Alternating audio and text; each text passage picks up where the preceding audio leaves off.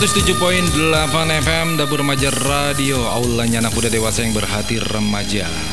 Ngobras, ngobrol bareng santai hari ini.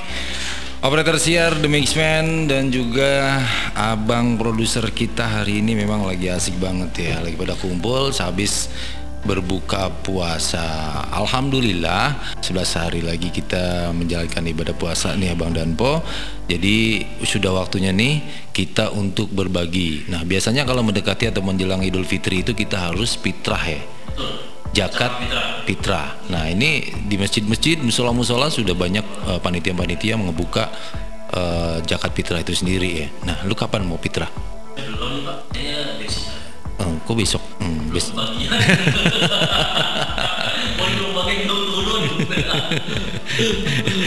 Lu belum kebagian dan belum turun. Iya. Iya.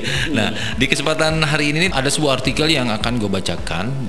Artikel yang ditulis oleh Alfred Gigi Balong yang berjudul Tokoh Papua mengecam aksi keji KSP.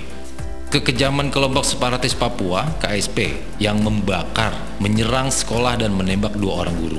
Hingga Kabinda Papua mendapat kecaman dari para tokoh masyarakat di Papua. Mereka tidak setuju dengan kekejian KSP karena sudah melanggar hukum dan menyakiti saudara sesukunya sendiri. Memang organisasi ini harus diberantas secepatnya agar masyarakat merasa aman dan damai di Papua. Papua kembali gonjang-ganjing karena KSP beraksi kembali setelah membakar tiga gedung sekolah. Kelompok yang berada di bawah kendali OPM ini tiba-tiba menembak seorang pelajar, juga guru di Kabupaten Puncak. Tak hanya seorang, tapi langsung dua orang. Peristiwa-peristiwa ini tentu membuat masyarakat geram karena KKB bertindak ngaur dan menembak orang yang tidak bersalah.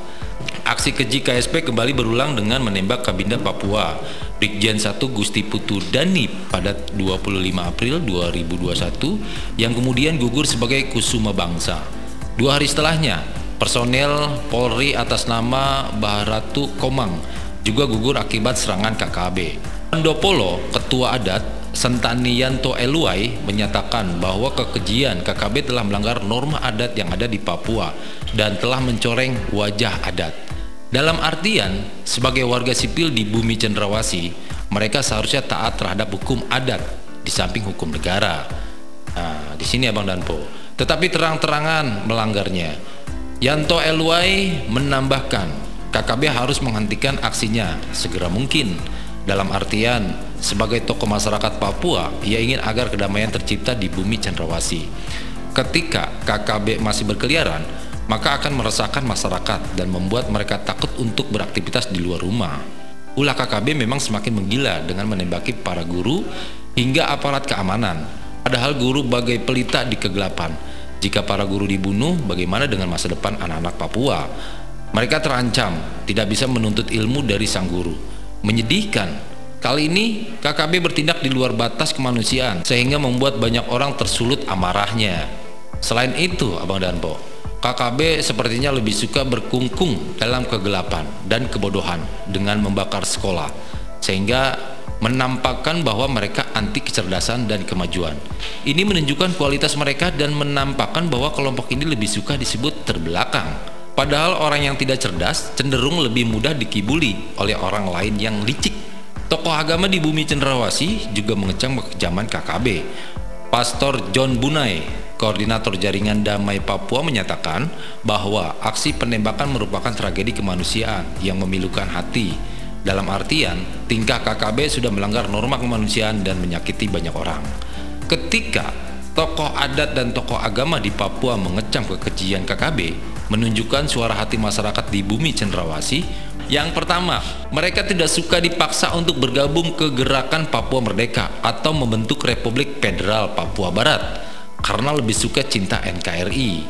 Kedua, KKB melanggar norma dan hukum adat serta negara dengan menghilangkan nyawa orang lain tanpa sebab yang jelas. Para korban tidak bersalah apa-apa, tetapi harus menanggung resiko besar dan meninggal dunia. Pembunuhan tentu sebuah tindakan kriminal dan mereka harus mempertanggungjawabkan perbuatannya di penjara, bukannya lari begitu saja seperti pengecut. Ketiga, KKB memperlihatkan sikap sok jagoan dengan menembak masyarakat sipil. Untuk apa mereka pamer keahlian menembak ketika ujung-ujungnya terancam pasal pembunuhan? Apakah mereka sudah gila dengan melempar pelor tanpa sebab yang jelas? Oleh karena itu, Abang dan Bo. KKB memang harus diberantas sampai ke akarnya. Anggota TNI berusaha keras mengejar sisa kader KKB yang secara licik bersembunyi di hutan belantara dan pegunungan. Yang kondisi alamnya agak susah untuk didatangi. Masyarakat mendukung penuh TNI agar kedamaian di Papua tercipta. Pemberantasan KKB menjadi fokus TNI untuk membuat Papua aman dan bebas dari teror. Mereka sudah berkali-kali menyakiti hati masyarakat dan mengancam keamanan warga sipil. Ketika KKB ditumpas, tentu disetujui oleh banyak orang karena banyak yang sebenarnya tidak setuju dengan Papua merdeka dan tingkah kelompok kriminal bersenjata. Penulis adalah mahasiswa Papua tinggal di Bali. Nah, seperti itu artikelnya Abang dan